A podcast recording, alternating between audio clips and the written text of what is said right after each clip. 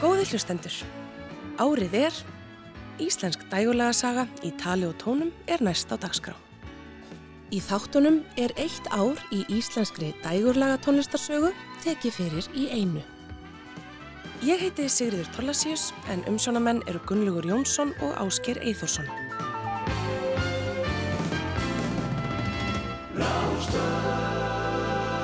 Árið er 2003.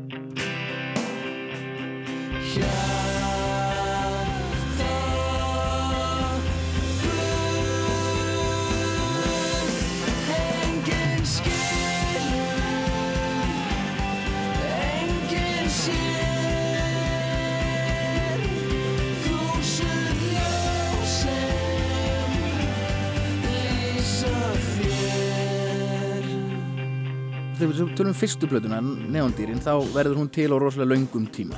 Alveg bara frá því að við byrjum, þangar til förum í stúdíó. Vögguvísunar er handsmíðuð plata, eða má lýsa þið þannig. Og þessi var þessum daldi líka, við vorum bara búin að ákveða að það var ekkert mjög mikið af lögum til, svona einhverjar hugmyndir og pælingar. Og svo mani vorum þetta daldi að ringla með æfingar húsnaði á þessum tíma. Og lögin er mjög lituð af húsnæðinu sem við vorum að æfa í. Hjartagull sem er bara titilega plötunar og þetta upp á lögunum mínum þá voru við rosa góðu æfingar það voru stórt svona einhver gaman lagar æfingar svona eins og maður sér í bíómyndunum þar var það lag til að því við vorum bara einhvern veginn svona já, það fær maður svo mikið sjálfströst einhvern veginn að því að maður er ekki þjakaður yfir því að vera einhverjum pínleitlum kústaskáp að æfa og við bara fengum að vera inn í þrjára vikur eða eitthvað þá manni okkur leið mjög vel í því æfingarhúsnaði og sömdum fullt af stórum lögum þar inni Vilhelm Anton Jónsson talaði um þriðju blötu hljómsveitarinnar 200.000 naglbíta sem fekk nafnið Hjartagull og við heyrðum brot úr titilæginum í upphafi þáttarins. Þrjú ár höfðu liði frá útkomu vögguvísna fyrir Skuggaprins og það höfðu orðið trommuleikaraskipti hjá tríóinu þegar vinna hófst við nýju plötuna. Axel Átnarsson hætti og við kjöðunum tók akureyringurinn Benedikt Brynlefsson.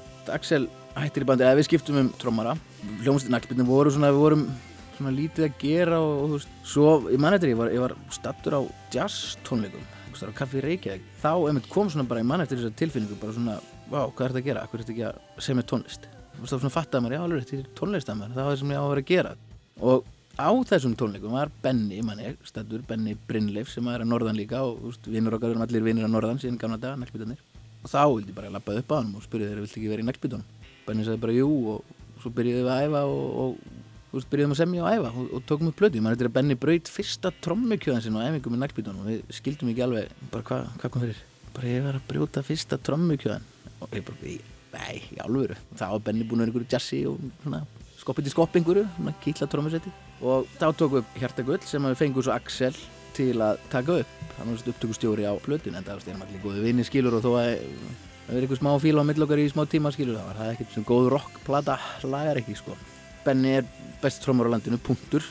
Hann er bara svo, svo jákvæður og skemmtilegur og hann og Kári bróðir, bassaleikari, þeir alveg lingdust saman og leysa einhvern veginn allt sem heitir bara svona bakgrunnu það er svo frábært að spila með þá getur ég bara verið og spila á gítarinn eitthvað eins taktlaus og vitlaus og ég er bara þá, þá veit maður alltaf að þeir eru alveg eins og klettur og halda þessu uppi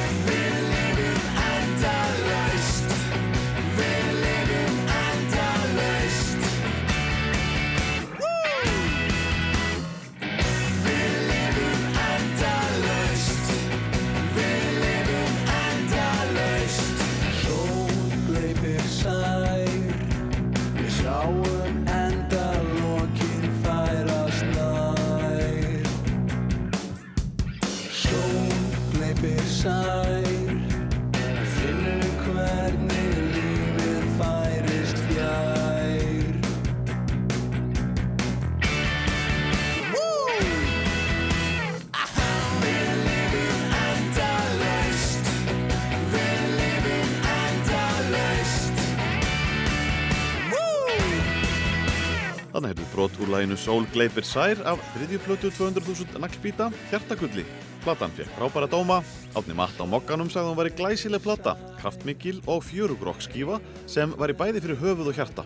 Víst væri hún dimm og dabuleg á köplum en það væri líka gaman að vera sorgmætur.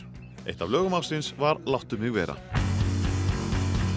Láttu mig vera og farðu svo burt svara það. Var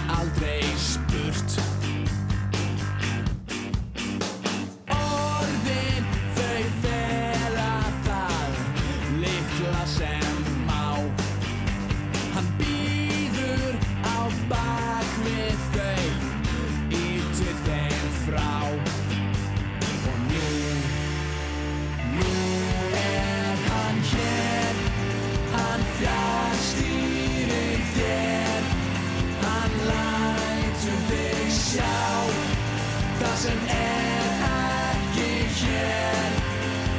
Ekki líta við.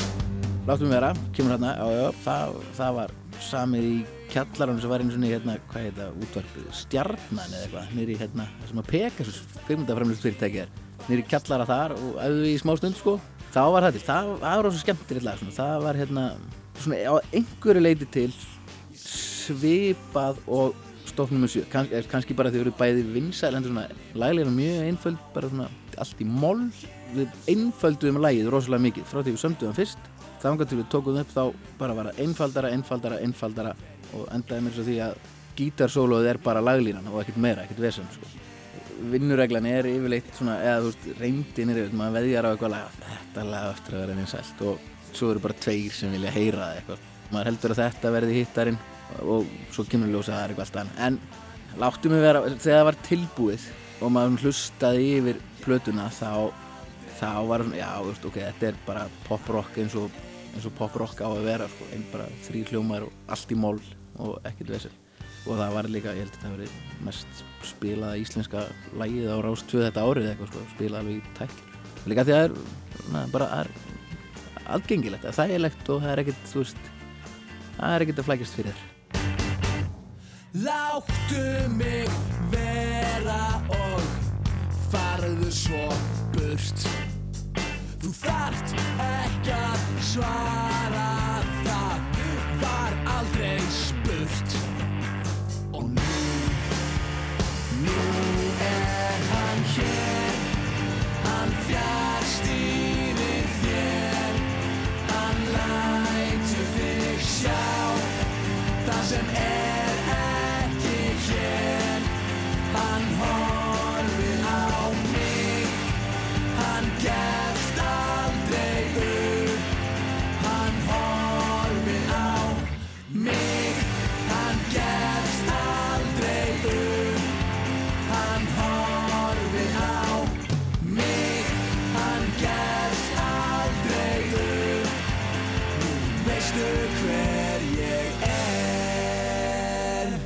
Árið er 2003.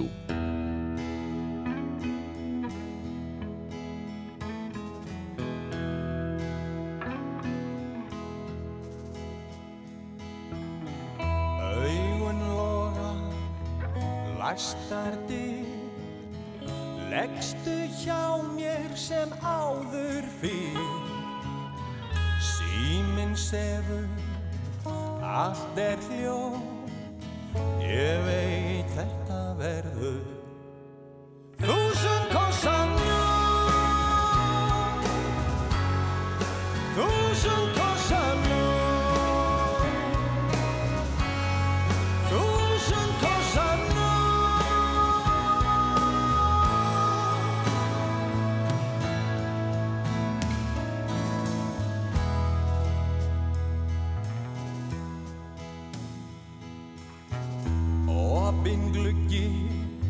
Ágúst kvöld Við þurfum engin gluggatjöld. Blóð mitt streymir Hægt og hljótt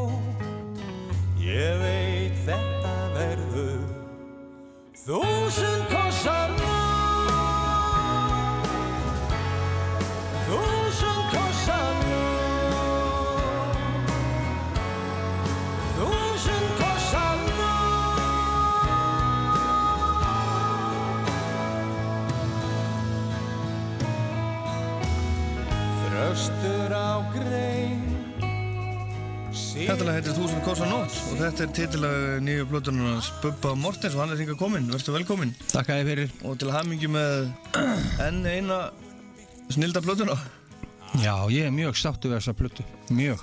Já, Og, og kannski fyrir margra hlutasakir en, en, en, en það má ekki gleyma því auðvitað að ég er með besta basta, núlifandi bastaleikar á Íslandi með mér á plötunni. Ég er með besta núlifandi gítarleikar á Íslandi á plöttinni og ég er með besta trommar á Íslandi á plöttinni og þetta, þetta hefur gífulega mikið að segja þegar maður er að, maður er að vinna svona efni.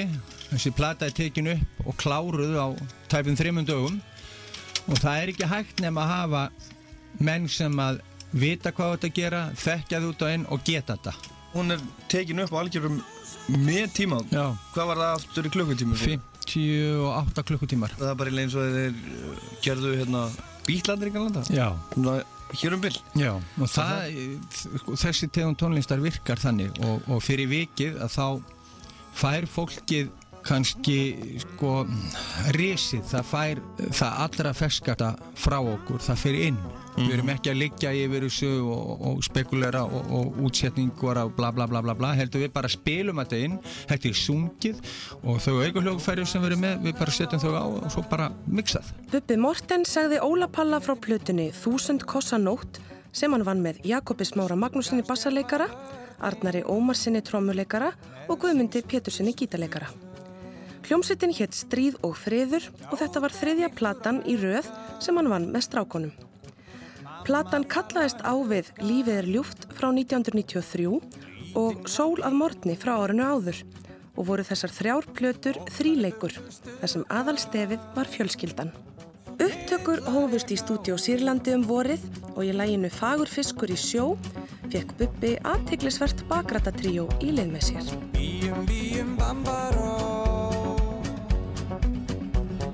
Pappi er út á sjó. Pappi er að sækja gull. Pappi er að sækja Sægreifans gull. Lóli ló og dilli dó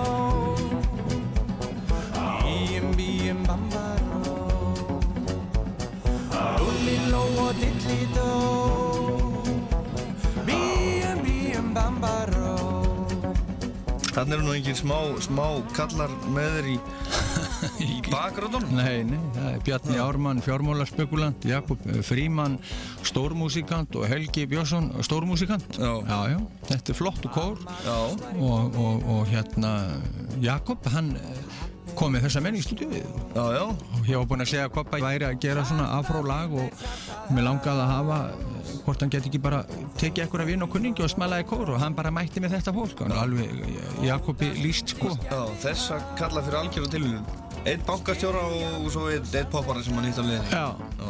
þetta er, þetta er típiskur Jakob Platan Þúsund kossa nótt var gefin út 9. oktober og var bóðið til útgáfuveislu í vinnustofu Tolla Bróður í gamla fristihúsinu Ísbyrninum á Granda. Þremur vikum síðar hjælt Bubbi útgáfu tónleika á NASA sem voru sendur út á netinu á nýri vefsíðu tónlist.is sem var í eigu gítarleikarans Stefáns Hjörlefssonar og var hleyft af stokkonum um vorið.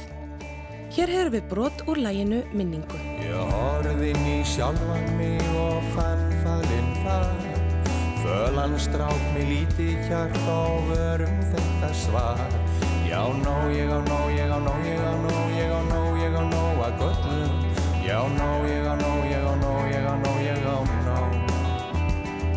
Já, nó, ég á nó, ég á nó, ég á nó, ég á nó, ég á nó að göllum. Já, nó, ég á nó, ég á nó, ég á nó, ég á nó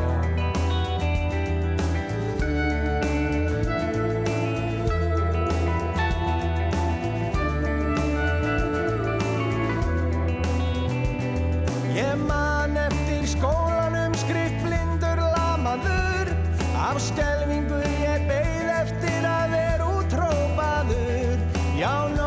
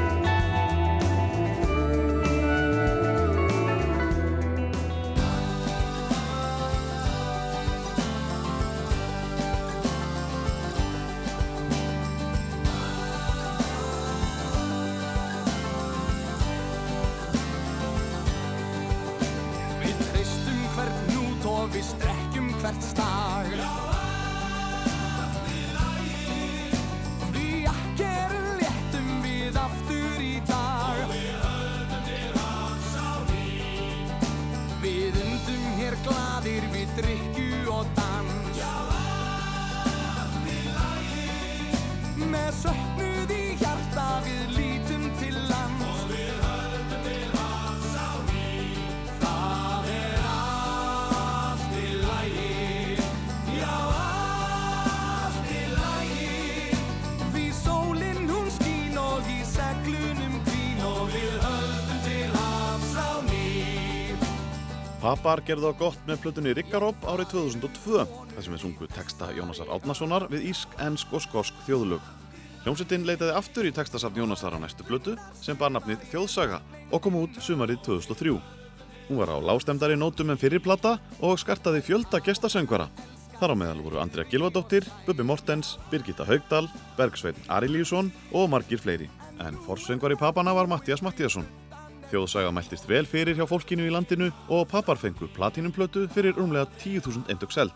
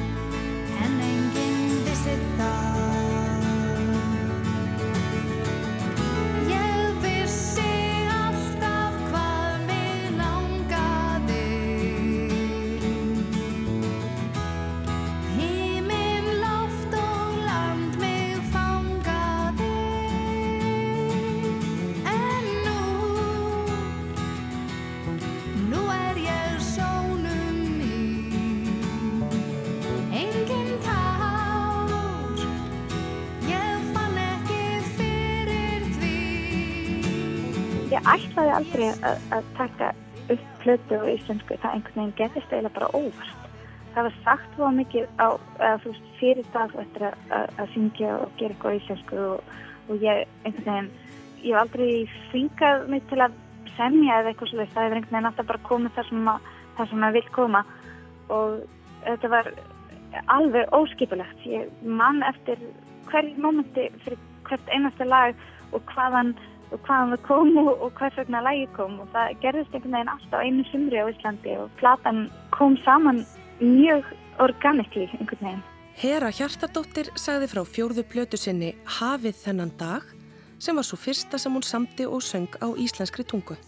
Hera hafði flust til Nýja Sjálands árið 1994 en kom óvænt inn í íslensku tónlistarsenuna árið 2002 og sló í gegn. Á nýju plötunni vann hún með hljómsettinni Stríð og friður eins og árið áður og gítarleikarin Guðmundur Pétursson var upptökustjóri. Auk sjö frumsaminna laga söng Hera fjögur tökulög, tvö eftir Bubba Mortens og eitt eftir K.K. og báðir röttuðu með Heru í lögunum sínum. Megas kom líka við sögu.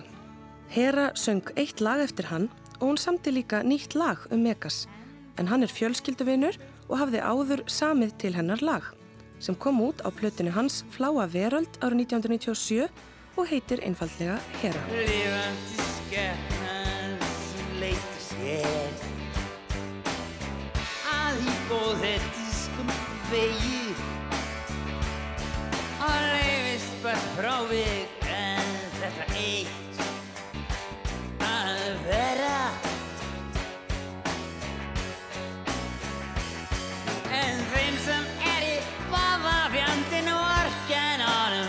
persónulega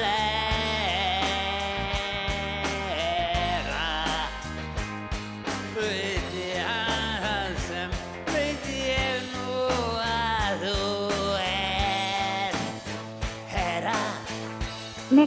er, mjög góður vinn minn frá því, frá því bara frá því ég var lítil og, og, og hann, hann samtilag sem heitir Hera og er held ég á plötunni Fláa veröld en ég samtilag til hans á þessari plötu sem heitir Myndin af þér og, og, og lagið var uh, kom út frá mynd sem ég með hangandi á vekk og ég er enda með hana, hún er eiginlega byggt fyrir fram á mig núna. Og þetta er sjálfsmynd sem að, að Megas gerði fyrir langalöngu og, og lagið er einhvern veginn sami til hans og til, til myndarinnar.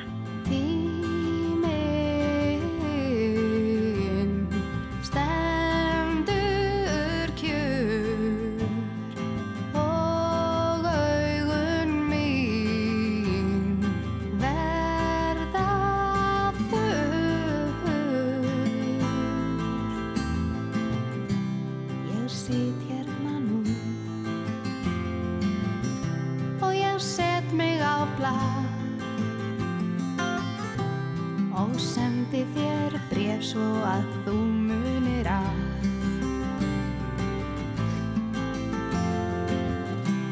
Ég er ekki ein. Því myndin af þér. Hún hangir og horfir í augun á mér Á fyrir plötu, hafið þennan dag, þá, þá tók ég líka eitt lag eftir Megas og uh, tvö eftir þetta held ég og eitt eftir KK og það var alveg rosalega mikið heiður og, og mjög sérstætt að þeir sungu allir inn á plötuna á sínum lögum. Og þetta voru allt lög sem að hafa, hafa skipt mig miklu máli. Og stúlkan sem starra hafið var fyrsta lagið, eh, þegar ég fekk fyrsta gítaröfum þá settist ég fyrir fram að speil og þóttist spila það. ég söng það hóa mikið, ég held að hafi annarkot komið út eða verið skrifað árið sem ég fættist og hérna, ég með alltaf þótt rosalega vænt um, um, þá sög og það lag. Þetta syngur með mér á Dúsna sem starra hafið og Megas syngur með í, í sönglösi Nætugalinn og, og Káká syngur með mér í, í vefbúanum og hérna uh, Sönglösi Næturgalum var lægið með, með Megasi og mér, mér fikk það alveg æðislegu texti og opaslega skemmtilegt lag. 12.000 betlarar tötrum skrittir Tærast upp dagleg í leik sinna svana vatsananum Og þeir strunsa í gegnum eldorado Án þess að stansa þótt nafnið sé letra með einstöfum Lít ekki í kringum sig aðeins áfram. Anaðir var höllum demandum sínum og smaragðum Fyrir svínin sem hæst og þykjast þekkjana Þokunni hjúpaða leiðina svana var hananum. Þeir fara daga, þeir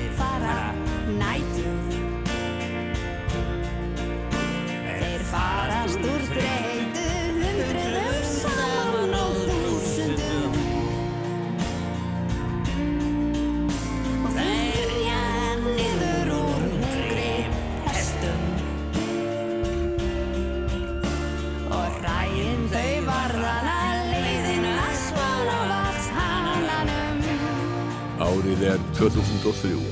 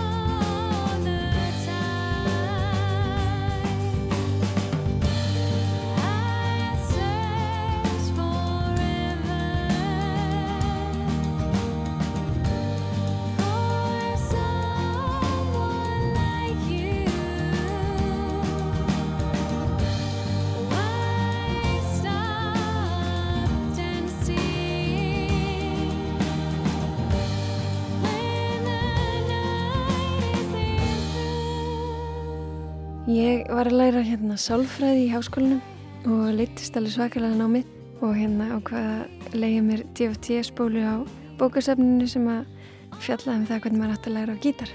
Og ég satt svona bara heima og æfði mig, æfði mig, æfði mig og kunni hann eitthvað fjögur grip samt í lag eða tvö lög og var svo bara að skemmta mér á hérna lokahófi KKÍ í stafanum því ég var svona körbildsterpa miklu stuði. Og vinkonu mínar hann voru að mana mig að fara upp á svið það var eitthvað gítar hann að bakvið og, og taka nú þessi tvö lög sem ég hefði samið. Og ég gerði það. Og daginn eftir hlæði símtal frá hérna Kitta í hjálmum. Hún leist svona vel á og var hann að greinilega á staðnum. Og bauði mig bara að koma í Gamestein og taka plötu og ég fór bara heim og efði mig meira og það nýtti sömari hérna 2003 ég hef búið til tíu lögu viðbót mætti svo bara í stúdjó þar var hljómsveit alveg eðalband til þess að hérna útsetja og spila með mér og svo gaf ég bara út plötu Lára Rúnarsdóttir rifiði upp sín fyrstu skref í popbransanum þegar Guðmundur Kristinn Jónsson heyrðan að tróða upp í lokahófi KKÍ í stapanum vorið 2003 en Lára spilaði körfubolta með IS. Hún átti ekki langt að sækja tónlistarhæfileikana því fadir hennar, Rúnar Þórisson, spilaði á gítar og var aðal lagasmiður grafíkur á nýjunda áratugnum. Þrjú af lögunum á plötunni sömdu þau þeginni saman og eitt þeirra, Why Stop Dancing, hljómar hér undir. En hvernig var sjálfströstið hjá þessari ungu tónlistarkonu þegar hún var byrjuð að vinna plötuna í hljóðveri Geimstins í Keflavík? Það var bara alveg geggja. Ég held að það verið betri í dag. ég er bara einhvern veginn óttalauðs algjörlega og það er kannski vegna sem þetta tókst svona vel. Mér fannst þetta ekkert mál. Það var það sem var svo geggjað. Ég mætti þarna með gítarinn kunnið eins og ég segi og var lítið. Spila þetta fyrir þá. Líka kannski bara hvernig andin er hann í Geimstinni. Þú kemur eins og sérst að fara eitthvað heimsækja Rúnajúl og Maríu. Og var svolítið þannig fílingur um að fá svona upp í kaffi og það var allt svona andrúslöftið er bara eins og heimili. Þannig að mér leiði alltaf mjög vel. Jú, kannski sjálfströsti varðandi bara að vita nákvæmlega hvað ég vildi þú veist, ég hún er svona bara vissi hvað tónlist ég fílaði og, og sagði þeim frá því og, og svo var það eða svona bara sett í hendunar á þeim að skapa þennan hljóð heim kringum þetta í rauninni fannst mér bara ótrúlegt hvað hægt var að gera við litla hugmynd. En ég mani ég fór hérna fyrst bara fóru við til þess að pröfa. Ég var með eitthvað eitt lag. Ég mani ég kerið heim frá Keflavík og setti þetta í græðinar og bara wow, hvað er hægt að gera við þrjá hljóma og, og hérna eitthvað laglínu og búa til eitthvað neginn svona. Það var svo nýtt fyrir mér. Ég hefði bara verið að spila og syngja. Þannig að það var bara búið að búa til eitthvað alveg geggja í kringum. Platan fekk nafni Standing Still Ásamt Kitta aðstóðaði Sigurður Guðmundsson við útsetningar og til að fylgja plötunni eftir spiluðu þeir með henni ásamt Kristni Snæ Agnarsinni og Guðmundi Frey Vekkfúsinni. Annar lagana sem hún flutti í stapanum um vorið var Drifting.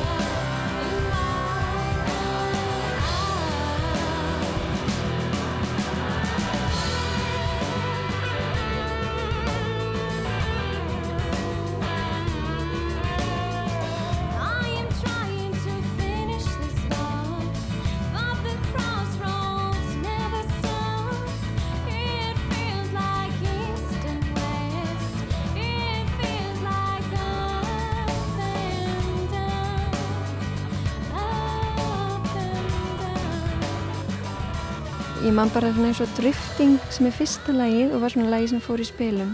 Það er sömulegis fyrsta lagið sem ég samt á gítar og spilaði þarna í, í stafanum. Og það er lag eitthvað sem var bara alveg ótrúlega eðlilega til.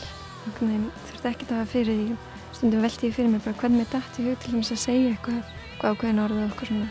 Þannig að það er í rauninu bara svona greinilega eitthvað sem er bara svolítið ætla mér held ég að gera svona músík. Og ég fann það bara þarna, hvað það svona flætti eðlilega. Árið er 2003. Gari gari gari húan mín, gari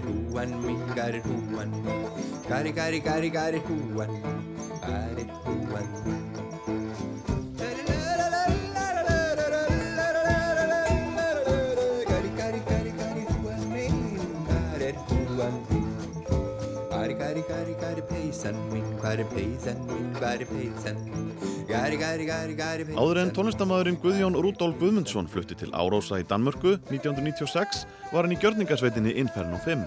Rétt eftir komuna til Árósa var hann beðin um að semja tónlist við íslenska fortsögu og stopnaði í kjölfarið hljómsveitina Kráku með dönskum tónlistamönnum. Hljómsveitin laði áherslu á forna norræna tónlist og hveðskap í anda vikingatímans og félagarnir smíðuðu öll hljóðfærin sjálfur. Guðjón gaf svo út blötuna Hippar borð ekki hákall í takmörkuðu upplægi með lögum við ljóð Steins Steinar. Árið 2000 hóst vinna við blöðuna Minimania sem hann gerði með Þorkili Átnasinni. Þeir tóku þrjú ári að klára blöðuna og þar mátti finna hitt bráðskemmtilega lag Húan sem hitti sannalegi mark hér á landi og var mikið spilaður ást 2 árið 2003.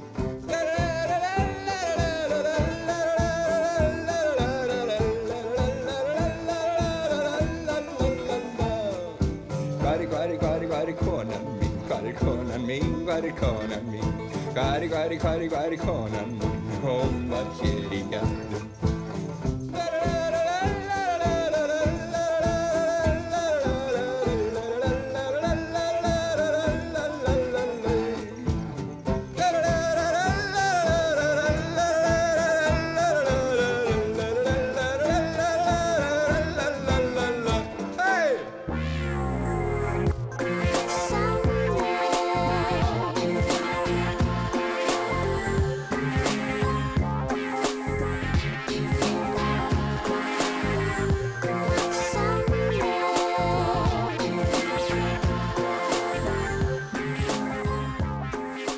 Emiliana Torrini var að undirbúa sína aðra breyðskífu Fisherman's Woman fyrir alþjóðlegan markað sem kom út tveimur árum síðar.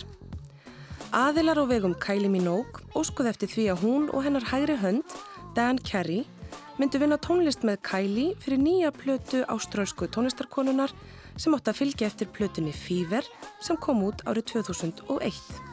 Platan Sú innihjalt smellin Can't Get You Out of My Head sem fór á toppin í 40 löndum og smáskífan með læginu seldist í meira en 5 miljónum eintaka sem gerði hana að einni mest seldu smáskífu allra tíma. Emiliana átti þátt í læginu Someday sem hljómar hér undir en hún og Dan sömdu og stjórnuðu upptökum á læginu Slow sem var fyrsta smáskífulaf plötunar Body Language og það gerði sér lítið fyrir og fór beint á toppin í Breitlandi 9. november 2003. She's been voted the sexiest pop pinup. It's the lady who spent all of last Monday at Radio 1. This is her seventh UK number one single, the last being nearly two years ago, which sold over a million copies, and that was Can't Get You Out of My Head. And this is officially the UK's brand new number one, Kylie Minogue and Slow. The UK's official number one. Knew you'd be here tonight, so I put my best dress on. Boy, I was so right. Our eyes connected. No, nothing's how it used to be. Don't second guess it. Tracking all this feeling. Pull focus close up, you and me. Nobody's leaving. Got me affected. Spun me 180 degrees. It's so electric. Slow down and dance with me. Yeah. Slow. Skip a beat and move in my body. Yeah. Slow. Come on and dance with me. Yeah.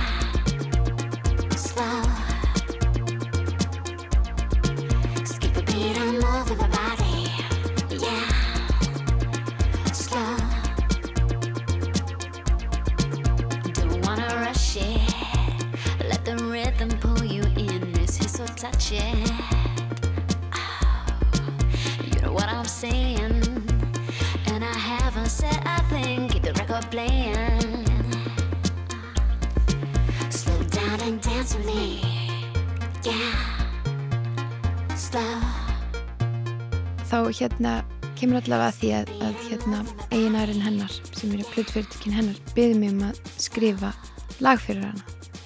Og mér finnst það nú svolítið fyndi að því að þarna voru ég og Dan að skrifa einhverja fókplötu. Allt í nú verið að byggja mig um að skrifa einhverju elektrón, elektrónist lag þannig að ég í rauninni bara spyr Dan hvort hann vilji gera þetta með mér. Þetta var svolítið gott frí fyrir okkur við varum alveg bara komin á svona stig að það var rosalega erfitt að gera þessa plötu það var andlega erfið plata Fisherman's Woman og hérna þannig að þetta var rosalega gott frí Þannig að það var annarkvort að við ætlum að fara í eitthvað sum, sumafrí eitthvað að skrifa eða við hérna, gerðum kælipleiti. Þannig að við fórum inn í stúdjó og við erum tölvi heilan og hérna, við held að við skrifa þetta lag okkur um hálf tíma og sendum það og síðan pródúserum við það líka. Þetta, þetta er alltaf eðislega skemmtilegt lag, við vorum ro rosalega stolt af þessu lagi. Ég hef alltaf elskað poptónlist og mér finnst rosalega gaman að fara inn í, í hérna, skrifa svona, maður verður svo frjáls. Maður er ekki, og sérstaklega eins og á tíma Fisherman's Woman þar sem maður, maður er svo mik mikla sjálfsgaggríni og maður fer inn í meira svona destruktiv hliðina í sér. Að, að viðra og hreins út svona kongulófefin og disco drotningunni er mjög skemmtilegt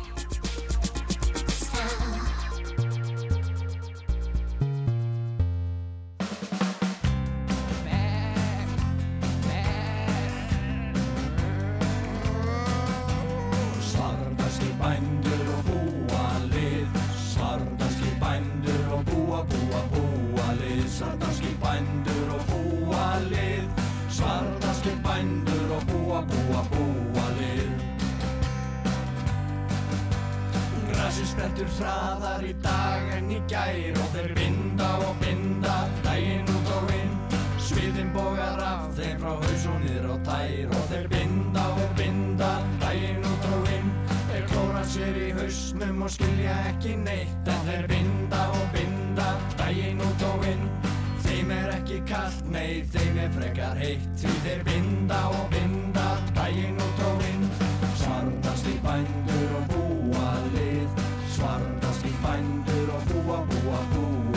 í bændur og búa lið Svartast í bændur og búa, búa, búa lið Norðlenska gleðitríuð Kvandalsbræður var þófnað árið 2003 og fyrsta platan, Út úr kú, kom út sama ár.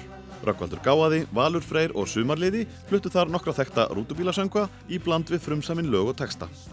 Þeir byrjuðu að spila saman í ásbyrjun og þegar vinur þeirra á Suðureyri við Súandafjörð bauðst til að taka upp nokkuð lög með þeim ókipis eða kemur vestur, slóðir til. Platan var tekin upp í húsnæði verkalýs og sjómannafélagsins af staðnum. Upptakan var gerð eftir hádegi lögadaginn 20. september en þá rúluðu þremminningarnir inn 12 lögum sem þau kölluðu blöndu af fáita poppi og þjóðlega perlum. Við heyrðum áðan söguna af svardælskum bændum og búaliði en svona hljómar frostavettur mikli eftir Rökkvald Gáaða í flutningi Kvandalsbræða. Og frostaveturinn mikla 1918 var amma renna sér á skíðunum Hún rendi sér beint á beinfrosna belju og braut á sér lappirnar. Fljóðlega komst, svo drefi í sárin því beinin þau stóðu út í loft. Og áður en varði var kerlingin dauð en öllu var of kallt til að sirkjana Valeri og Valera Valeri, Valeri, Valerallera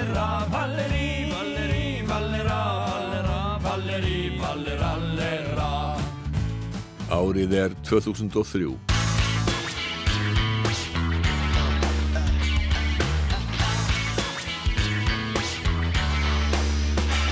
Ég fullur, finn ekki til sé ekki út og skil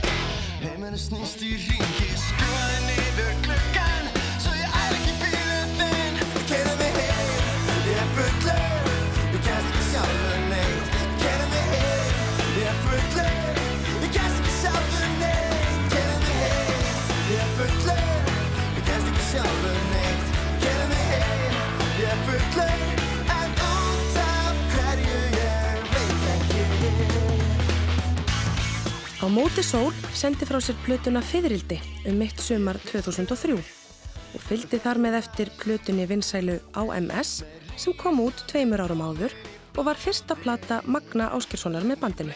Fyrsta lag plötunar sem fór í spilun, Keirðu mig heim, fór að hljóma á útvarstöðum landsins árið áður. Árið eftir er Jónas Sköllóttur, það er fyrsta breytingin sem að maður verið var við og er hættur, að, hættur í afnitun. Sko, fyririldi er miklu metnaða fyllra verk, finnst mér og okkur. Lagasmíðanar eru margar mun betri og þannig er við eiginlega komni með okkar sound alveg tilbúið. Á AMS voru við ennþá svona smá af náð pródúsera og, ennþá bara tilröðina starfsemi, reyna að finna svona okkar hljóm en á fyririldi er hann alveg tilbúin fyririldi er á móti sól tilbúin eins og hún er ennþá í dag og soundið á henni er bara, finnst mér eldast alveg frábærlega og meiri hlutin að lögunum Magni Áskjörsson söngvari talaði um plötuna Fyririldi og hljómsveitin á móti sól var á faraldsfæti sumari 2003. Hér heyrum við brot úr balluðinni Allt. Þú ert allt sem ég langar í sem ég lofaði sjálfu mér Þú ert allt sem ég leitaði sem ég vantaði handa mér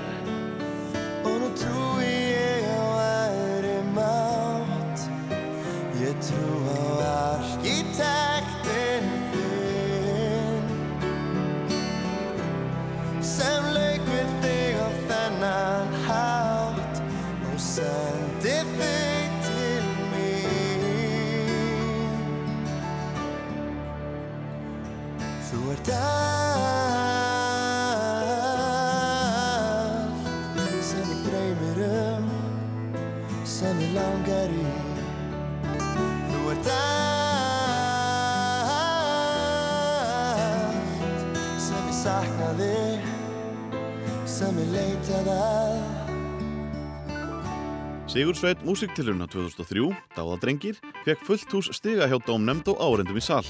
Karl Ingi Karlsson var auk þess velunaði sem besti forritarinn. Hann stopnaði Dáðadrengi með bróðu sínum Björgunni Karlssoni sem hip-hop-sveit fyrir jólin 2001. Rapparinn Alli Erlendsson gekk til liðsubræðuna í áspyrjun 2003 og tónlistinn tók nýja stefnu þegar trómarinn Helgi Pétur Hannesson og bassalegarinn Sindri Eldon Þórsson bættist í hópin. En sá síðastnemdi er sonur Sigumóluna Bjarkar Guðmundsdóttur og Þórs Eldon. Tekstar dáðadrengja vöktu aðtikli, en Karl Björgun og Atli sömdu alla tekstana sem byggðu á flæði frekar en innihaldi. Og þeir voru ekki trætti við að láta allt vaða, eins og heyrist í læginu allar stelpur úr að ofan.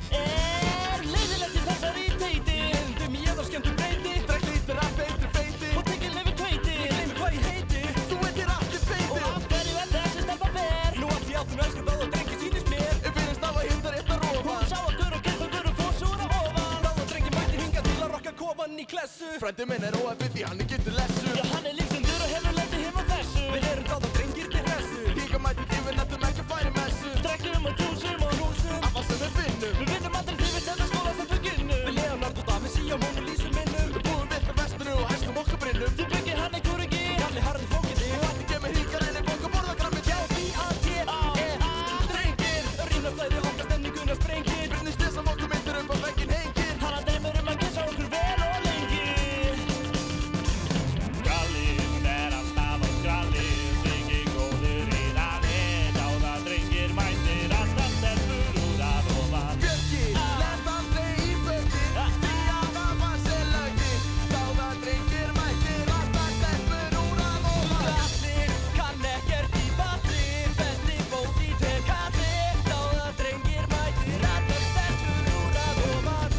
Árið er 2003.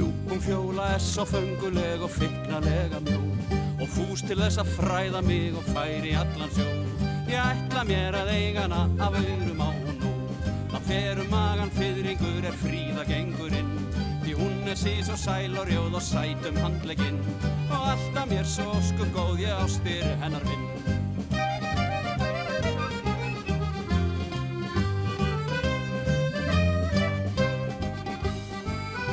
Gáfumannasveitin Spaðar er skipuð spilafélögum sem skarta samanlagt fleiri háskólagráðum en nokkur önnur hljómsveit í heiminum að eigin sögn. Hinn er ástsælu Spaðar eins og þeir kalla sig jafnan, höfðu æft saman í leini og engöngu spilað fyrir vildarvinni áður en uppkomst um tómstundaiðjuna. Meðal þeirra sem hafa spilað með spöðum í gegnum tíðina má nefna trommuleikaran og bókmæntafræðingin Sigurd Valgersson. Gunnar Helga Kristinsson, professor í stjórnmálafræði sem leikur á harmonikku og söngvaran, bókmyndafræðingin og rítvöndin Guðmund Andra Tórsson. Guðmundur Andri, þú situr fyrir svörum, söngvari hljómsöndarinnar.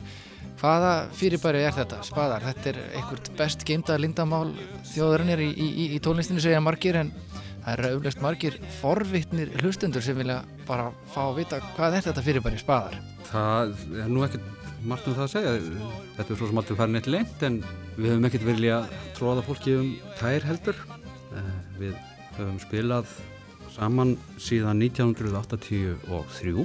Við höfum 20 ára amali um þessa myndir. Með svona, við spilað saman með hljöfum og, og við spilum bara svona eigin lög og, og svona einhverja útlenska polka. Hvað skona tónlist er þetta og hvernig var þessi hljómsveit til? Þetta varð til svona vegna þess að okkur fannst einhvern veginn gaman að spila saman og okkur fannst líka vanta svona músík eins og við vorum að spila þá. Ég held að það hefði ekki týðkast í, á þeim árum að nota harmoník og kontrabassa og mandolín og, og ekki eins og kassakýta. Þetta var svona árin þegar að voru, var að spila mikið á skemmtara. Algjör tímaskekkja þessi hljómsveit sem sagt. Já, var það þá, svona já.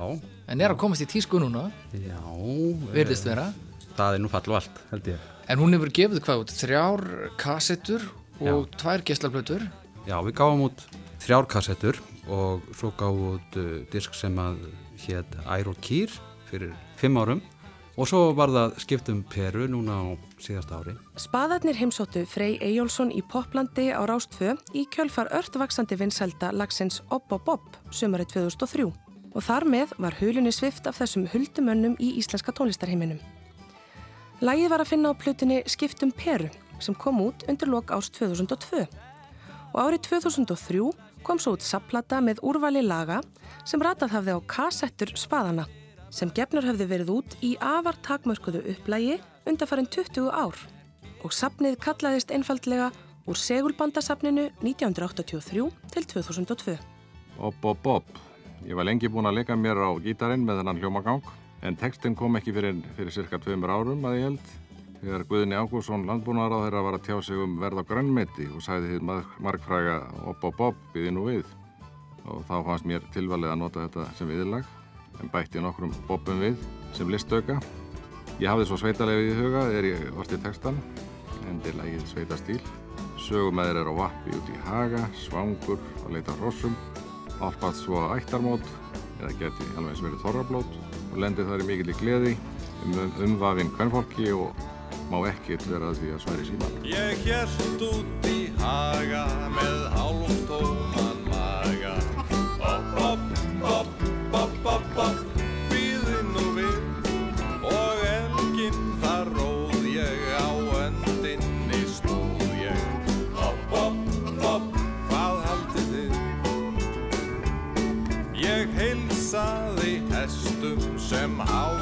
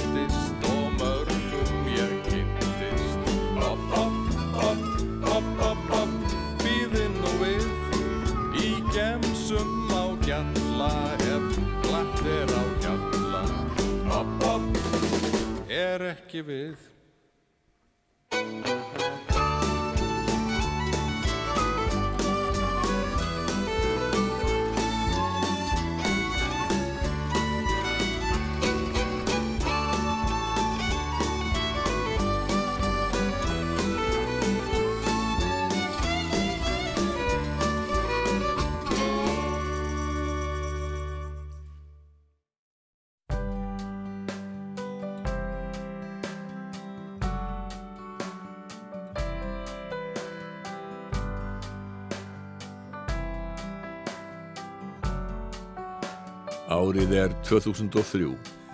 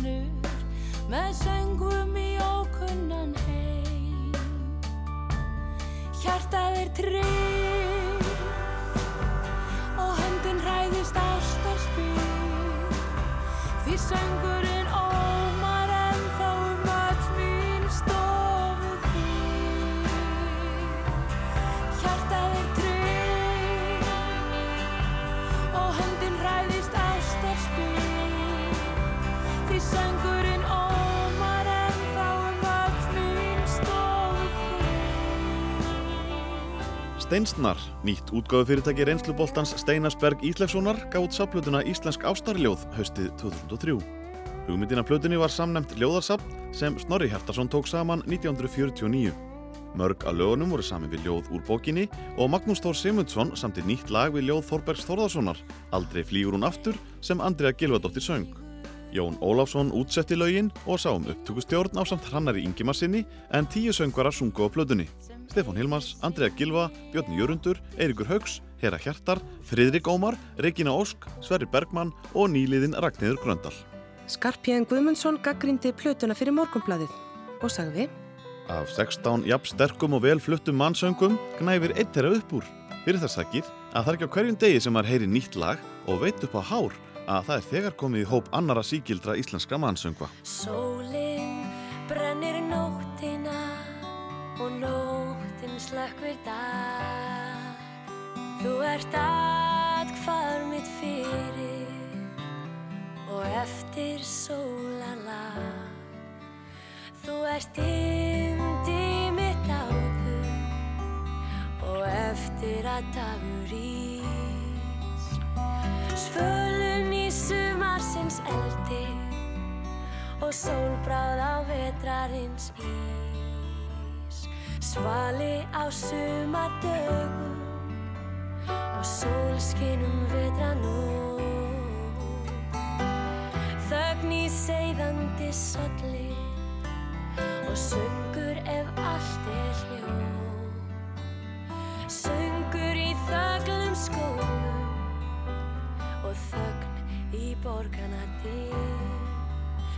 gafst mér jörðina og grasi og Guð á himnum að við. Þú gafst mér skín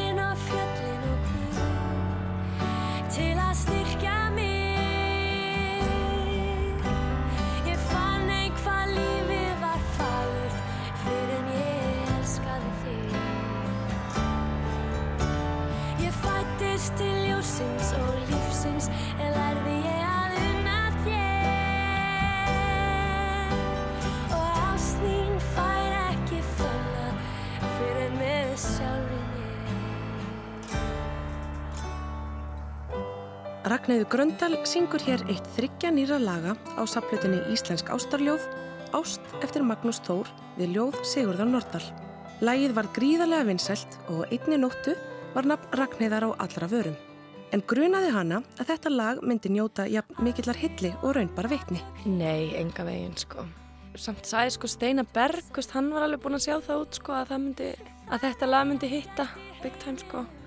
En ég, einhvern veginn, ég pældi ekkit aldrei í því þannig, þú veist, ég var meira bara ráðinn hann í vinnu til að syngja þetta lag, þú veist, og var bara að reyna að gera það eins vel og ég gatt. Og ég mani, ég samt vandaði mig rosalega mikið sko, af því ég, svona, ég tengdi rosalega stert við þetta ljóð og, og svona ég man að ég kom svolítið að því þetta hliti, þú veist, að það væri eiginlega ekki hægt að yrkja svona stórkoslegt ástaljóð sko til kannski annara manneski nema að væri bara lítið eða eitthvað. Þannig að ég svona, þú veist, það var svolítið svona tólkunin sem að ég man að ég var að reyna að setja inn í þetta að, að ég væri svolítið að syngja þetta eins og þetta væri lítið batn sko sem hefði eitthvað neginn svona opnað all lífið upp fyrir viðkomandi sko. En, en svo er þetta eins og það er alveg bara vinstalista brúðköpslag bara hjá mér allavega og búið að vera síðan að, þú veist, já, tíu ára eða eitthvað. Þetta er rosa mikið örlega valdur í mínum berli þetta lag sko. og ég, ég, það var stundum svolítið erfitt sko því eins og ég segi þá var þetta ekki þetta var ekki partur af minni sól og plötu heldur þetta kemur hérna á plötu með mörgum öðrum flytjandum sko og, en þetta lag verður svona aðalhýtti á plötunni. Þannig að þá, þá tengdi fólk þetta við mig sko sem tónlistamann. Um svipað leiti og platan Íslensk Ástarljóð kom út voru Ragnarður Gröndal og Haugur bróðirinnar að gefa út jazzplötu. Og hún fór að rókseljast því fólk held að lægið vinsæla Ást væri á þeirri plötu.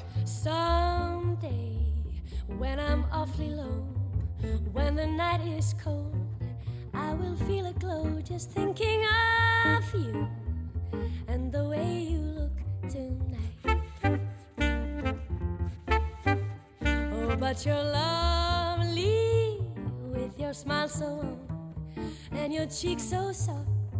There is nothing for me but to love you just the way you look tonight.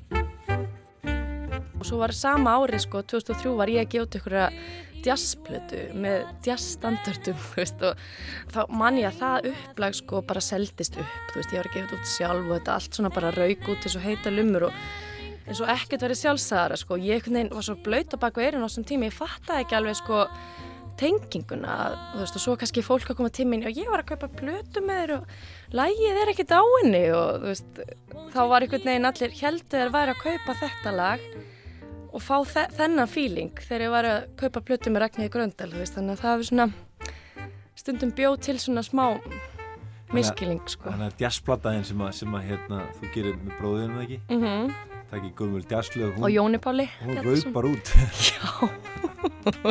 Og mér er svo fyndið, maður er sjálfur þú veist, maður, maður fannst þetta einhvern veginn það var bara alveg sjálfsagt að, að það gerði það, skilju það er raunin alveg af nervitt að díla við sko mikinn meðbyr eins og að díla við mótlæti sko, það getur verið svolítið erfitt. Fyrir svona sjálfið sko, því þú ert svona ungur þá ertu kannski ekkit, þá er sjálfið þitt einhvern veginn ekki búin að mótast fullkonlega þannig að þú veist kannski ekkit alveg hver þú ert og, og það verður svolítið mikið álæg á þegar það er svona en auðvitað mjög gaman, skilur, og bara frábært.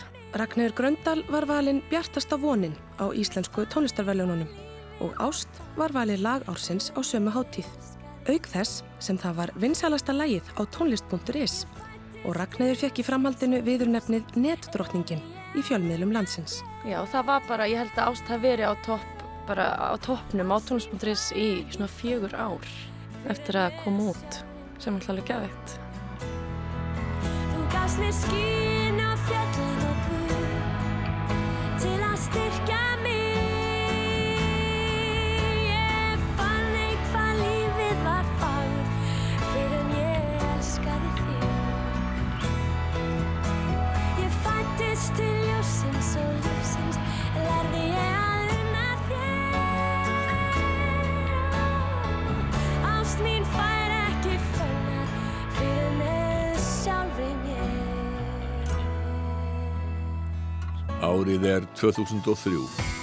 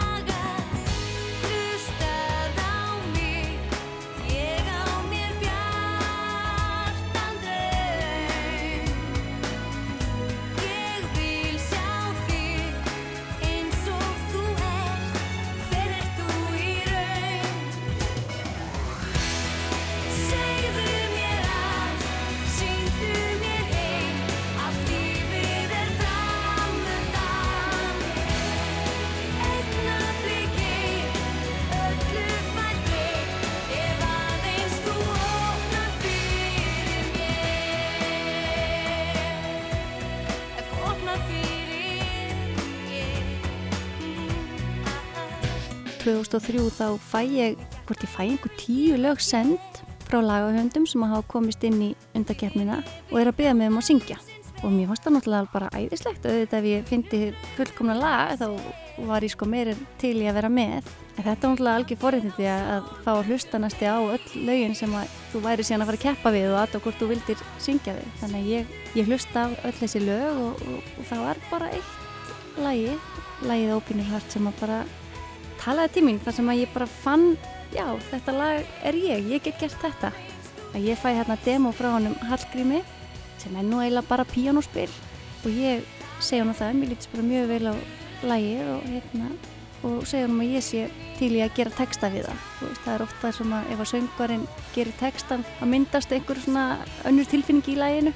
Og þannig að já, þannig byrjaði það æfintýri Lagið er í keppninni, undankeppninni þá eiga öll lög að vera á íslensku þannig að fyrsti textin var á íslensku og, og hétt var lagið Segðu mér allt Birgitta Haugdal sagði frá þeim mikla áhuga sem lagahöfundar síndu henni í vonum að hún myndi syngja þeirra lag í söngvakeppni Sjómasins í undankeppni fyrir Eurovision en Hallgrímur Óskarsson var sá heppni.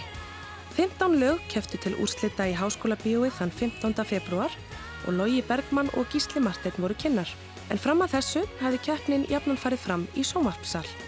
Mikil stemning var fyrir lögunum því meðal keppenda voru Rúnar Júliusson, Ragnarður Gröndal, Reymur Örn Heimisson og mikla aðtegli vakti að hljómsveitin Botleðja sendi einn lag sem komst í úrslit og bar nafnið Eurovísa. Þá er komið að því, nú verður gaman. Klappa! Allir með! Davíð Ottsson, klappa saman höndum. Upp, upp, Ólaf Ragnar, flott, á, oi.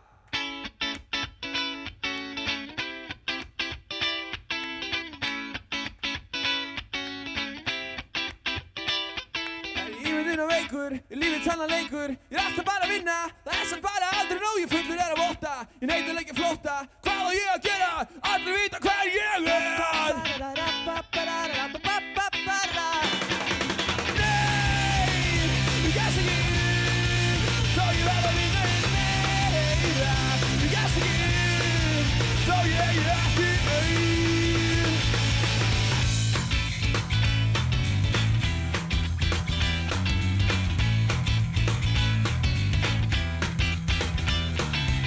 Er ímyndun og veikur, er lífið alveg leikur Er þetta allt sem er, er heldur tími fram hjá mér Mér vantar satt í gröytin, hvað er beina brautin? Hvað á ég að gera, ég veit ekki hvernig fer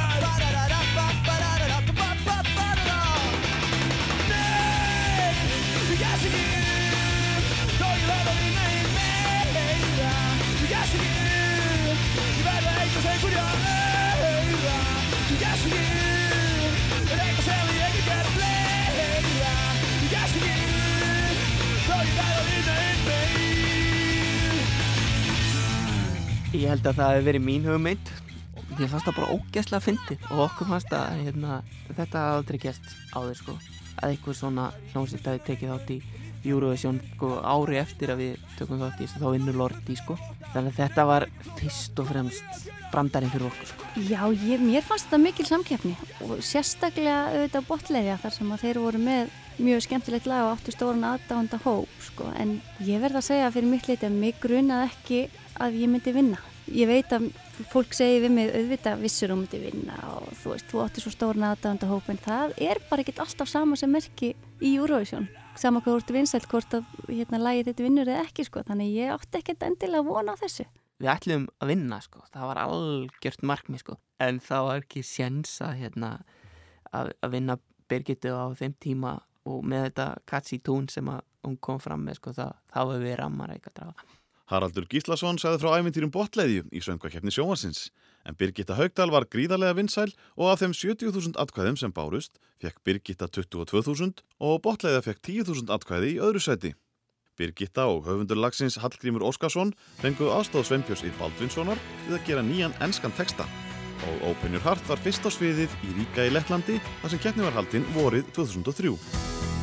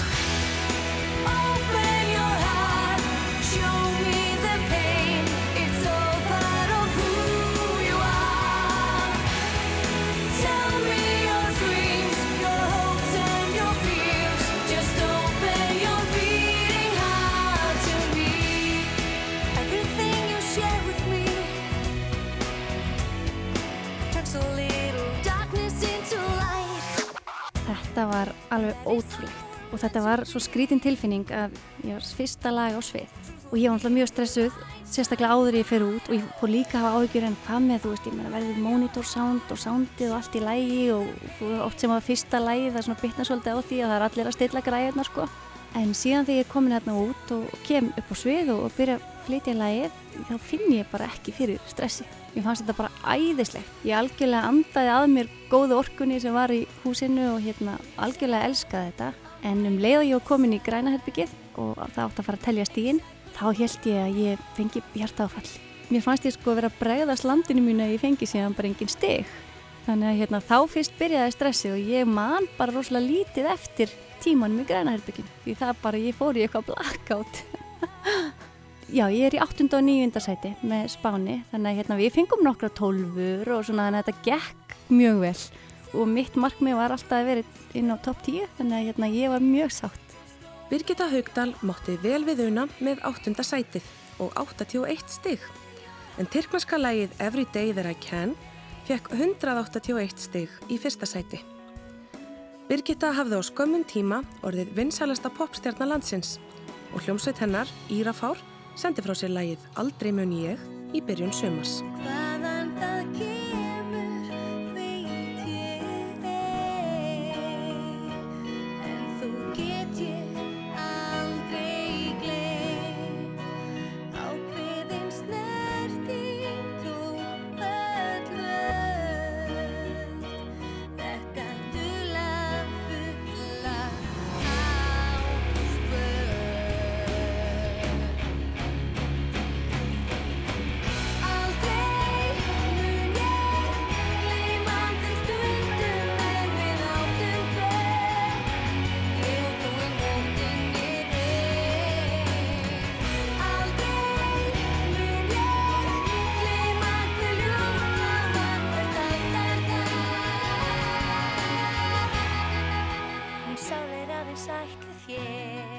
Gefum út mikið tónlistamindbundum sem eru mikið spiluð í sjóvarpi og hérna lögin okkar í útarpinu og, andlitin á okkur einhver hluta vegna eru endalust í síð og hirt eða blöðunum og, og í þessu ferli þá sko myndast einhver svona múgæsingur hjá krökkum ef við komum einhver stað fram.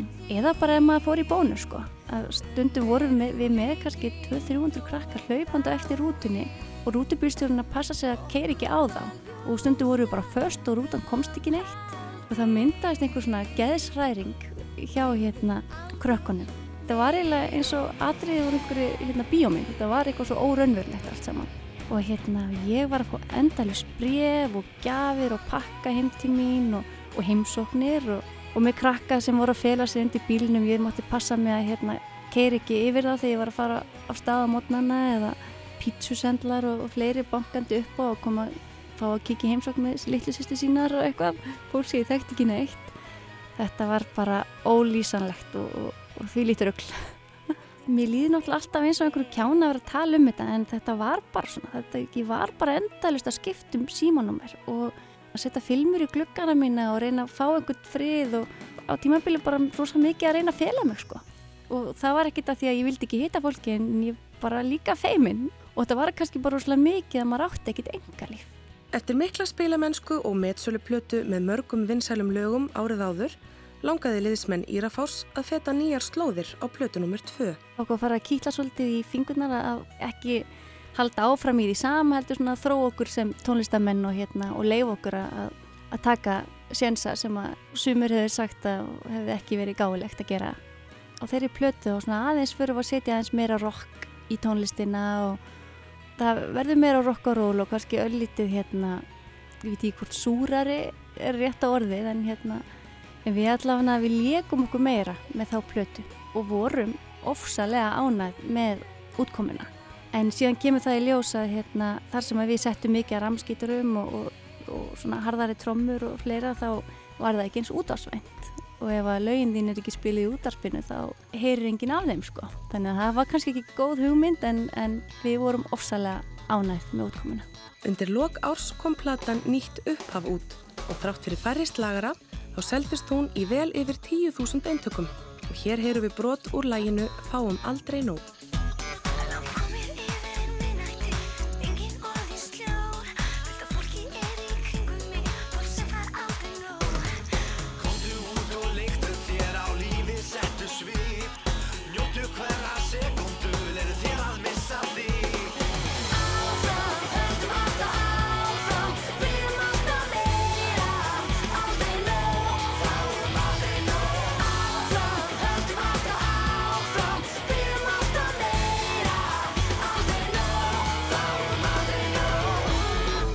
Fáum aldrei nóg var svona partílægið okkar og það var rosalega gaman og, og er ofsalega gaman að taka það á böllum sko. Það slæðir alltaf í gegn. Og, hérna, og við erum að spila á sjálfanum á Akureyri þetta lag og hérna tróðfyllt hús og, og þar stekkur einn ung stúlka upp á svið og fyrir að dansa hjá okkur og ég ákvað bara leifinni að gera það og hún fyrir að sveifla höndunum til og ég er í banastöði og og enda náttúrulega með því að hérna, sveifla höndinni ansi vel og beint í mikrofónin hjá mér og mikrofónin beint í framtennunar. Þar misti ég bara hérna, helmingu af báðum framtennum á ballinu og var þarna eins og litla sýsti bó. Og ég hérna þetta var alveg skelvilega vond en balli var ekki hálnað og ég þurfti að klára. Og ég söng þetta ball allt með tárin í augunum.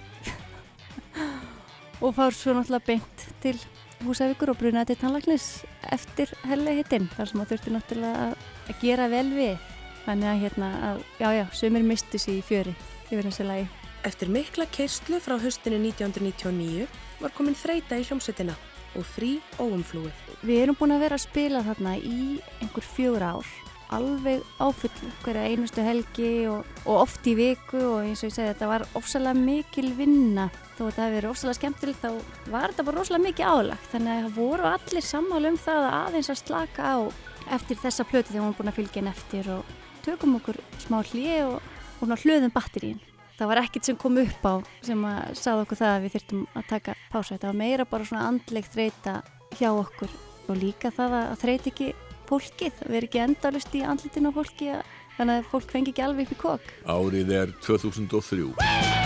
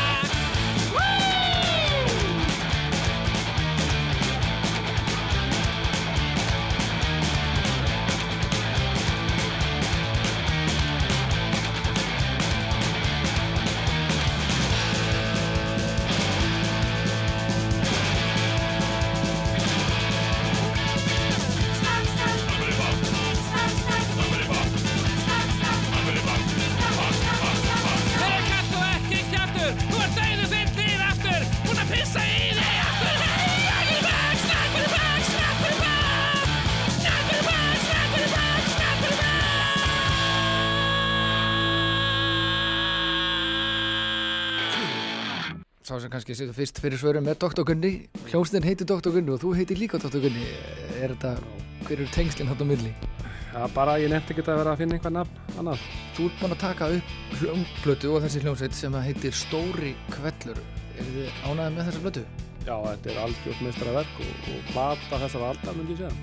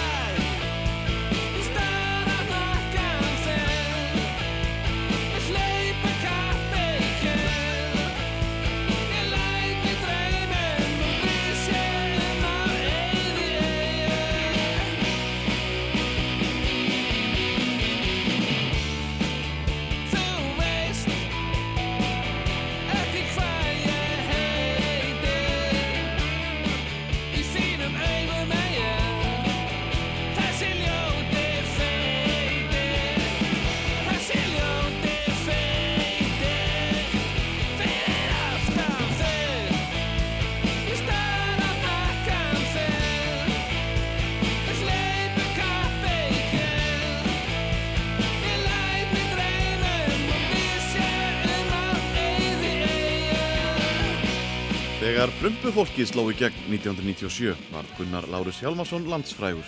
Hann bættum betur þegar sjónvastátturinn Poppunktur hóf göngu sína haustið 2002 og margir byggði eftir nýri plötu frá Dr. Gunna sem kom út fyrir jólinn 2003. Með honum spiluðu Grímur Allarsson bassalegari, Guðmundur Birgir Halldórsson gítalegari og Kristján Freyr Halldórsson trommari.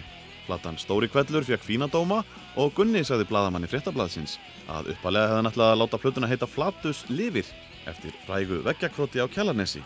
Þegar hann komst að því að Flatus er læknisfræðitt orð yfir viðrekstur, hætti hann við og valdi frekar nafnið Stóri Kvellur.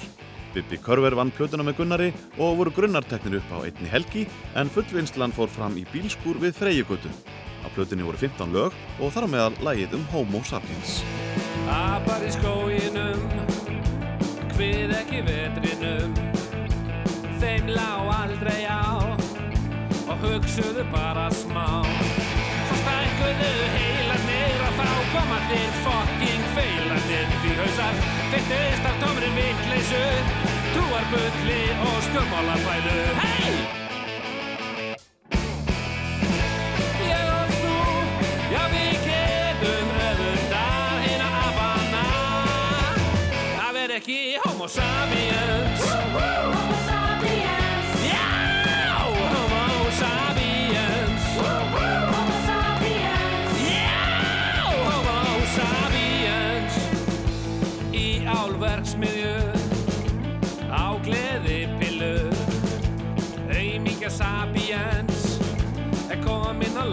séns En einir abarnir, þeir verða aldrei svona þunglitir Því að þeir hafa bara ekki vit á því og gera bara það sem eitthvað við er í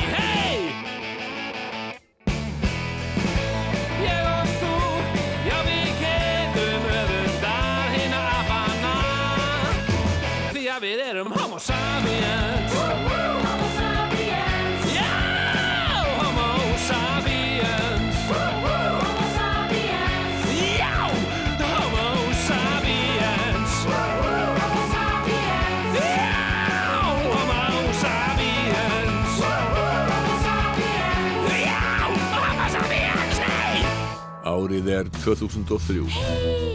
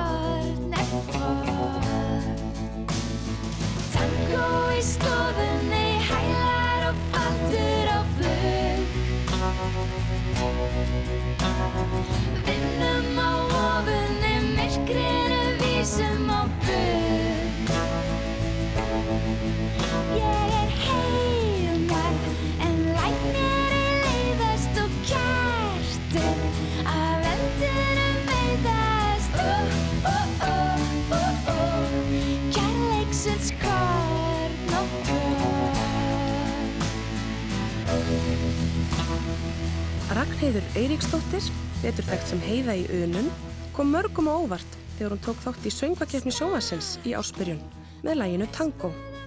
Það var nóg að gera hjá heiðu árið 2003 því hún spilaði með punksvitinni Dis á plötunni Ísland brennur þar sem Siggi Punk var í farabróti. Heiða gerði líka plötu með ljóðum eftir Charles Bukowski en lauk árinu á plötunni Tíu fingur upp til Guðs sem var skrefuð á heiðu og heiðingjana. Hljómsveit sem var til haustið 2000 eftir að heiða gaf út plötuna Svarið. Lögin voru úr ýmsum áttum, allt frá hinnu hugurljúfa lægi Tango yfir í hið punkskotna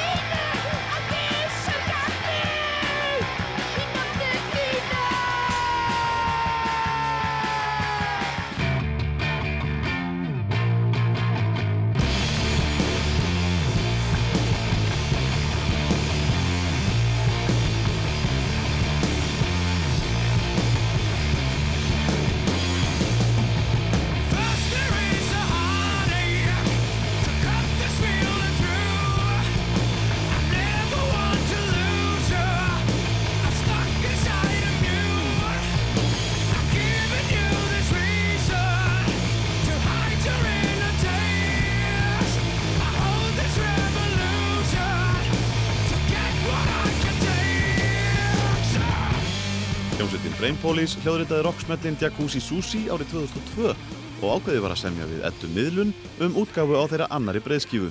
En það kom Babb í bátinn. Jón Björn Ríkarsson, trommuleikari Brain Police, segir frá.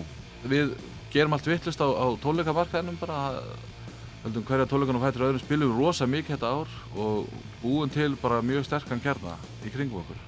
Þá fá þeir áhuga okkur hérna Edda útgáfa og þeir semja við okkur og við tökum við plötu í, í Túle Day Studios.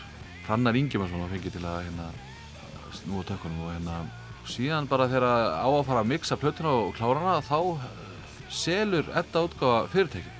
Við vorum svo rosalega sniðir að við settum inn í klásuluna að, hérna, þeir mætti ekki selja okkur hverju sem er. Þeir mættu bara, við erum að fengjum að því hver, hver myndi kaupa okkar útgáfi eða plötu. Þannig að Sonnet er, Óttar Felix Haugsson átti það, hann, hann kaupir Eddu útgáfu og býður okkur hérna, bara mjög góðan samning allt fyrir okkur gera. Og fréttin að berast greinlega hann er þess að smekkles að tala við okkur líka og skífan við vorum rosalega montið með það það vildi allir fá okkur heitast í býting greinlega á, á þessum tíma. En hérna ég held að það hafi verið megin ástæði fyrir að við fórum á skífuna var að þar máttu við eiga útlönd.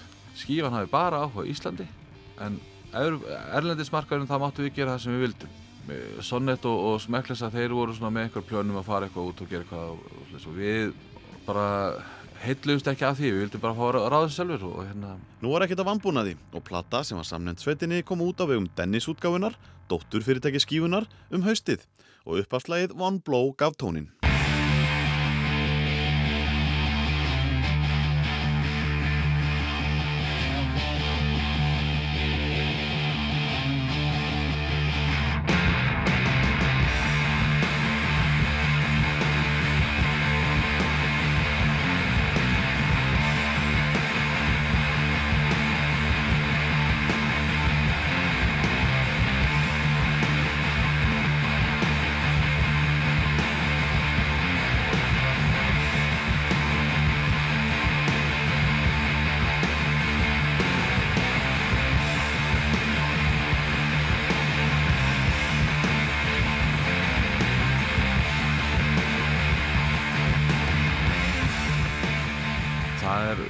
Gaman að segja frá því að við spilum rosalega mikið á Grand Rock sem að það var svona mælikvarða á hvort það var gott gig hvort það ringdi inni eða ekki. Ef það var rigning þá var hérna þá var virkilega gott gig. Þá var rakin í réttu hérna réttu, á réttu stíi Platan fekk góða dóma og Rocket Fuel var það lag sem náði mestu flugi en það fór beint á toppin á vinsaldalista X-ins 977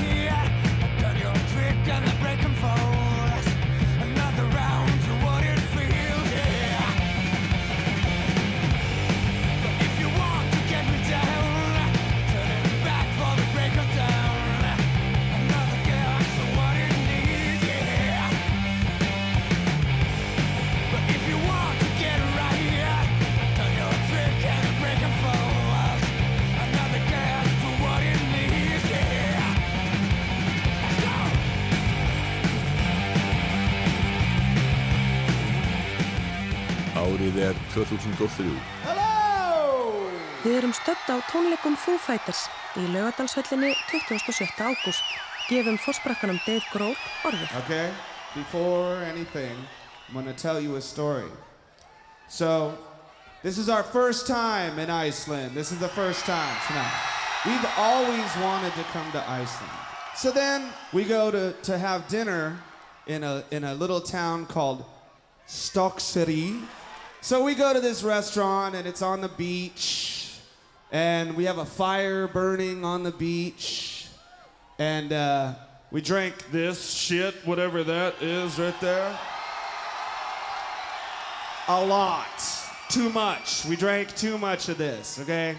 A little sick, you know, whatever. So, uh, So we drink and we're eating lobsters and we're drinking this shit and we're looking at the ocean and it's the fucking most beautiful day I've ever had in my life. It was incredible. So, so then I hear this music, and this music is happening in this little house near the restaurant. And I can hear like a guitar playing, I can hear the, the drums, I can hear stuff. And I walk over to this house, and there's, there's a band, these young kids playing music. And we start jamming with them. We start playing music with them, and I'm playing the drums, and they're playing guitar, and we fucking. And it was so great that I asked the band, I said, hey, tomorrow night when we play the show, will you come play one song before us? And they said, yes, motherfucker, yes.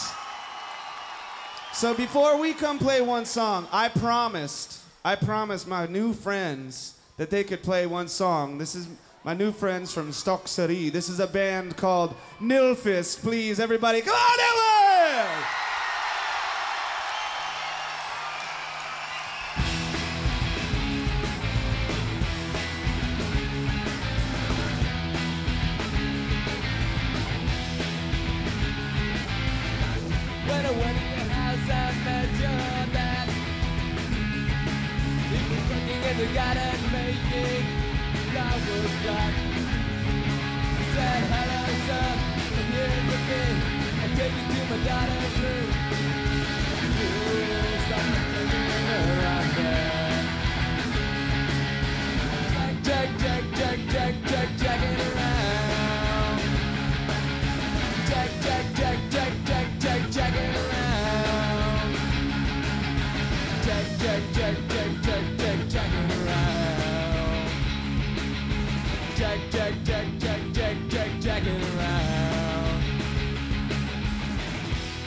Þeir voru að borða á humastæðanum og stóðsýri og við vorum með æfingarhúsið hana rétt hjá, bara beint að móti eiginlega. Og við vorum eiginlega bara að æfa, ég og Jói, hérna, hinn gítarleikarinn í bandinni.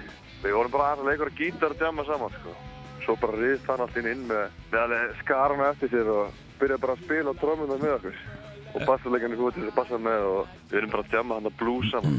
Og þið vantarlega þekktu þessa gauðra eða það ekki, enda, enda í rockinu sjálfur? Nei, við nefnilega kveiktum ekki strax, sko. Það ætti ekki að Dave Grohl var í mættir þarna stokkseri bara að með okkur, sko. Hann talaði um einhvern fjanda sem hann drakk uh, og mikið að því. Eh, Var það, var það íslenska brennivínu eða? Já, það var íslenska brenniðinni, sko. Já. Honum fannst það ekki vond, sko.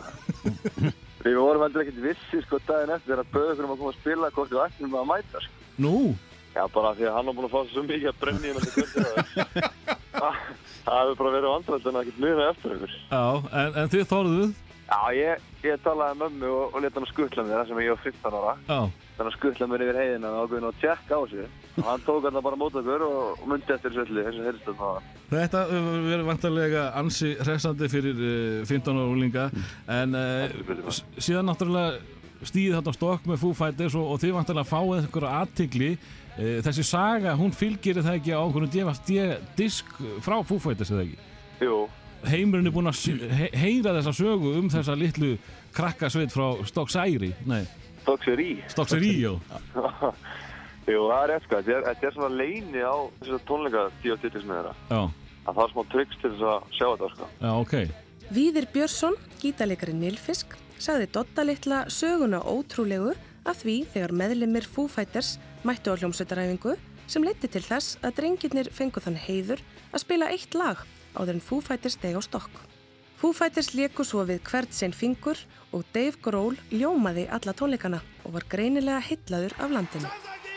Rás 2 hljóðritaði tónleikana og Times Like These er komið á fulla ferð.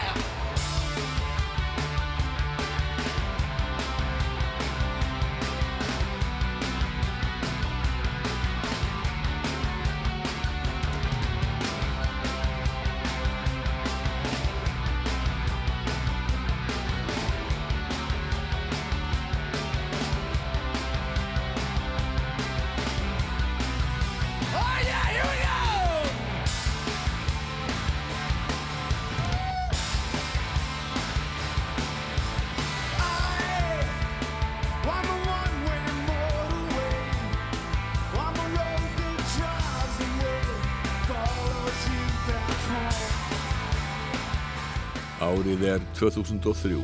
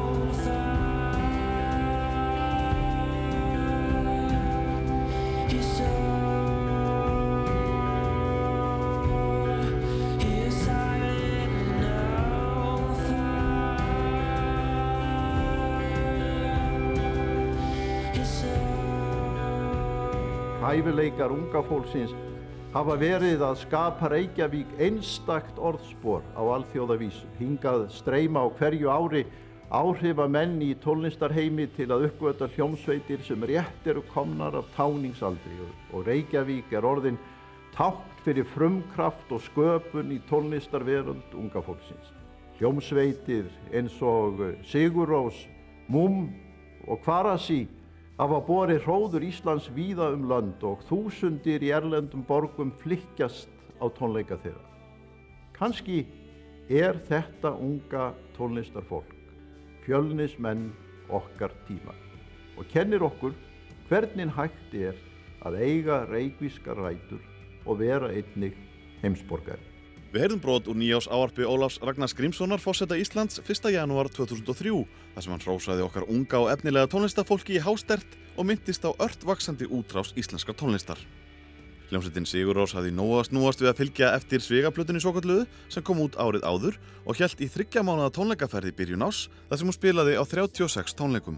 Ferðin hófst í Evrópu og þaðan fór sveitin til Bandaríkjana en að endingu var tróðið upp á þrennum tónleikum í Japan í aprílmánuði. Sigurós samti og flutti tónlistinni heimildamind Ólafs Sveinssonar Hlemmur og sveitin gaf sjálf út geislaplötu með lögum úr myndinni sem seld var í takmörkuðu upplægi. Um sumarið tróð Sigurós upp á tónlistarháttíðum víða um Evrópu, til dæmis í Southside í Þískalandi, Glastonbury í Englandi og Roskilde Festival í Danmörku. Aldrei höfðu eins margir íslenski tónlistamenn tróðið upp á Hróaskilduháttíðinni því Guðskus, Björk, Sigurós og Ske voru á svæðinu þetta árið og DFF sagði frá því að allir 700 miðarnir sem stúdendaferðir höfðu til sölu á Roskilde Festival höfðu selst upp tveimur mánuðum áður en háttíðin hófst. Þá hlotnaðist Sigurós á heiður að myndband þeirra við uppafslag sveigaplutunar vann MTV verðlaun sem besta tónlistamindbandið og skákaði þar stórstjórnum á borð við The White Stripes, Queens of the Stone Age og Missy Elliott. Undir lok ásins var Breiðskjón svo tilnæmt til Grammy-veluna en þurfti að jóta sér sigraða fyrir bandarísku hljónstinni Elephant í flokknum Best Alternative Album. On the way to you, I'm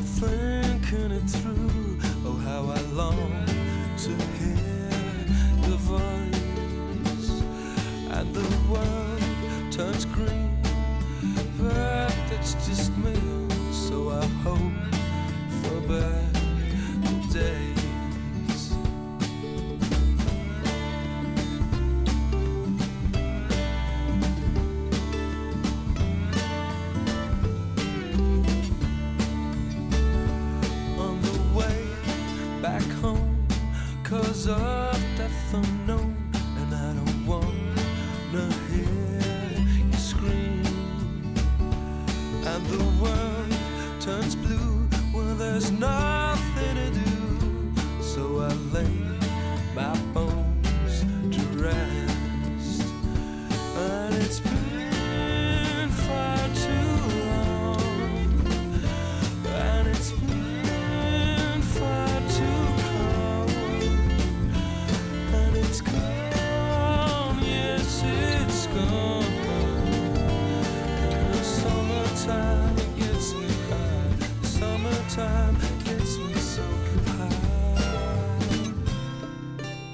Tónlistarblæði Sound gaf út saflutuna Soundcheck í samvinnu við útgáðufyrirtækið 1001 nótt og innihjalt hún 12 ný íslensk lög með sjö flytjandum.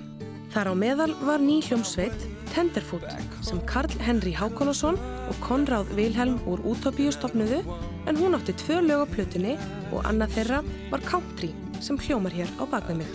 Frans Gunnarsson úr Enzími átti mikinn þátt í að koma þessari plötu saman og duett hans og krumma í mínus Moody Company átti tvö lög og lokalagsaplötunar var flutt af hljómsveitinni Dr. Spock. Sú var til úr hljómsveitinni Quicksand Jesus rétt fyrir aldamótin en létt lítið fara fyrir sér í fyrstu. Dr. Spock lék frumsamið efni á tónleikum hér og þar, allt þar til hljómsveitinni bauðst að leggja til lag í kvikmyndina Óskabörn þjóðarinnar. Aðaleikari myndarinnar var Óttar Proppe og fannst Frans upplagt að fá hann sem gestasöngvara. Óttar var svo tíður gestur á tónleikum sveitarinnar og var loks formlega búið að ganga til liðsveitina sem hann þáði. Eitt lag sem var til tags eftir misefnaða tilraun sveitarinnar til að hljóðrita pröfu upptökur endaði svo á áðurnemndri saplötu.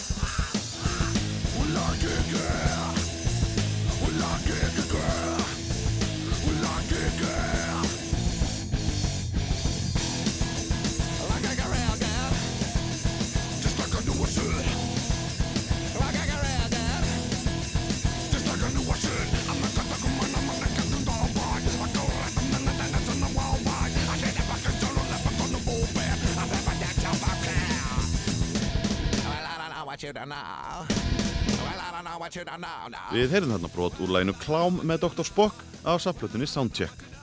En indveska prinsessan Leon C. lokar þættinum í dag. Við höldum svo áfram umfyllun okkar um íslenska tónlistarárið 2003 í næsta þætti en þar koma meðal annars við sögu Hljómar, Mínus, Maus, Eifur Pálsdóttir, Í svörtum fötum, Bangang, Stuðmenn, Trabant, Björgvin Haldursson, Kvarasi, Botleiðja, Eberg og kannski ekkur í fleiri. Tónlistarkonan Leon C. sem hafði lengi notað nafnið Indian Princess tók upp nafnið Icy Spicy Leon C. um líkt leiti og hún gaf út sína fymtu plötu Radio Rapist Wrestler hösti 2003 og þar var að finna lægið Ást á pöpnum sem fekk ágæta spilun og sló í gegn. Takk fyrir að hlusta. Hún hitti herra Bob kvöld á country pubi Reykjavík Hún starði á hann mjög ákveðinn Hún kinkaði kolli og blikkaði á hann. Hann var dálitur af allan vorkan Hann fór til hennar og sagði hvar hann var frá. Hún sagði, veistu hvað, við höfum saminlegt Því við, hí, hí, hí, hí, komum bæði frá Kópavogi. Ástapögnum, þau fellast í ástapögnum Nú græður hann, hann átti að kynnast henni fyrst. Hann eyðir allt og hans frétt, hann sparar ekki Hann vildi kaupa hús, en hann á valla fyrir öðkrús Til að gera allt verða hann misti vinnuna. Þú ert rekin í staðin að vinna fór hann til norður með henni.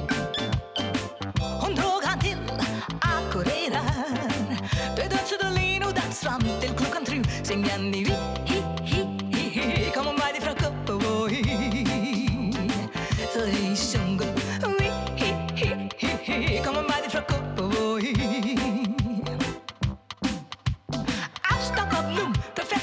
fættust í ástapögnum Nú græður hann, hann ætti að kynnast henni fyrst Hann eyðir allt og hann